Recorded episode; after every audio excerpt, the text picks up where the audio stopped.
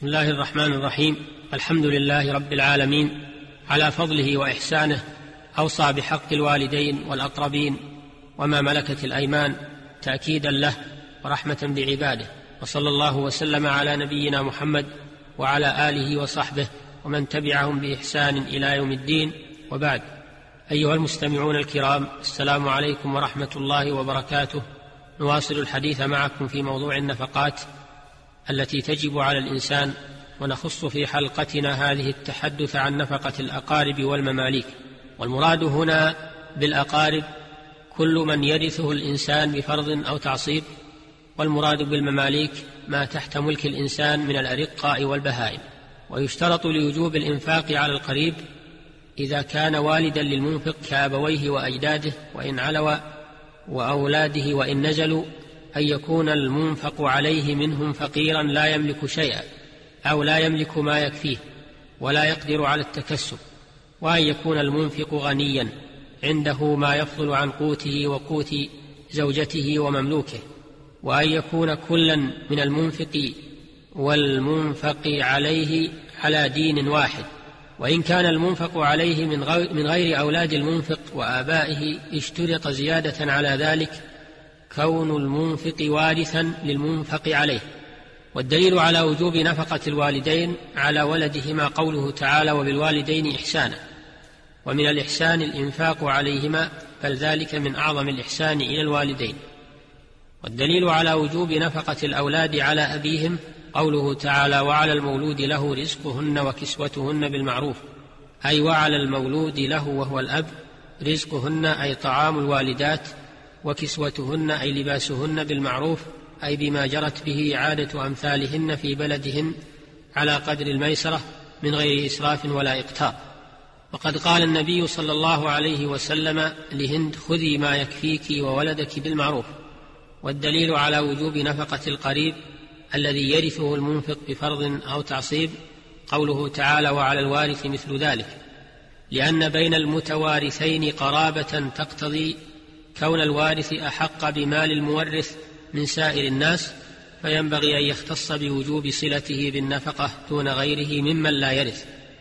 وفي هذه الآية وهي قوله تعالى وعلى الوارث مثل ذلك أي على وارث الولد غير والده الذي يكون بحيث لو مات هذا الولد وله مال ورثه من الإنفاق على الطفل مثل ما على والده في ذلك.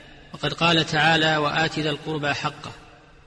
وغير ذلك من الأحاديث الدالة على وجوب نفقة الأقارب المحتاجين على قريبهم الغني. وروى أبو داود أن رجلا سأل النبي صلى الله عليه وسلم من أبر؟ قال أمك وأباك وأختك وأخاك. وللنسائي وصححه الحاكم من حديث طارق المحاربي وابدأ بمن تعول أمك وأباك وأختك وأخاك ثم أدناك أدناك. وهذا الحديث يفسر قوله تعالى وآت ذا القربى حقه. والوالد تجب عليه نفقة ولده كاملة ينفرد بها لا يشاركه في القيام بها غيره. لقوله صلى الله عليه وسلم لهند خذي ما يكفيك وولدك بالمعروف.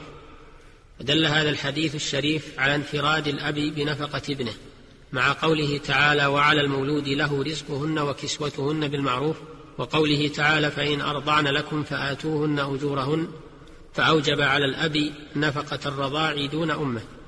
أما الفقير الذي له أقارب أغنياء وليس منهم الأب فإنهم يشتركون في الإنفاق عليه كل بقدر إرثه منه لأن الله تعالى رتب النفقة على الإرث بقوله وعلى الوارث مثل ذلك فوجب أن يترتب مقدار النفقة على مقدار الإرث. فمن له جدة موسرة وأخ شقيق موسر مثلا فإنه يجب على الجدة سدس نفقته والباقي يكون على الشقيق لانهما يرثانه كذلك وعلى هذا فقس. وأما نفقة المماليك من الأرقاء والبهائم فإنه يجب على السيد نفقة رقيقه من قوت وكسوة وسكنى بالمعروف لقوله صلى الله عليه وسلم للمملوك طعامه وكسوته بالمعروف ولا يكلف من العمل ما لا يطيق. رواه الشافعي في مسنده ورواه مسلم. وفي الصحيحين من حديث أبي ذر رضي الله عنه عن النبي صلى الله عليه وسلم أنه قال إخوانكم خولكم جعلهم الله تحت أيديكم فمن كان أخوه تحت يده فليطعمه مما يأكل وليلبسه مما يلبس ولا تكلفوهم ما يغلبهم. مع قوله تعالى قد علمنا ما فرضنا عليهم في أزواجهم وما ملكت أيمانهم.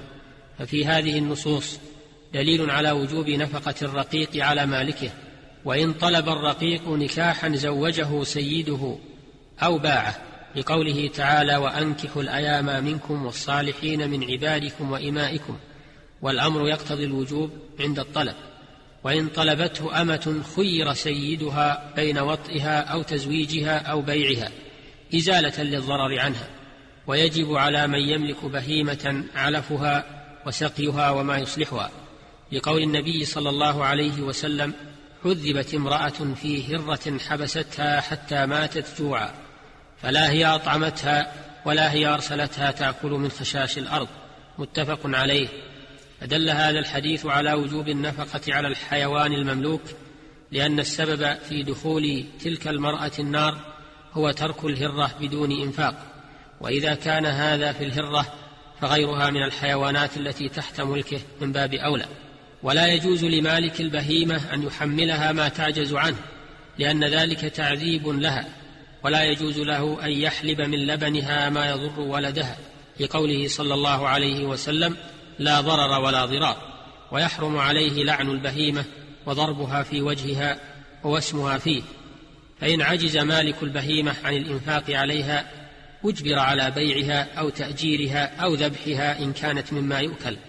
لأن بقاءها في ملكه مع عدم الإنفاق عليها ظلم والظلم تجب إزالته.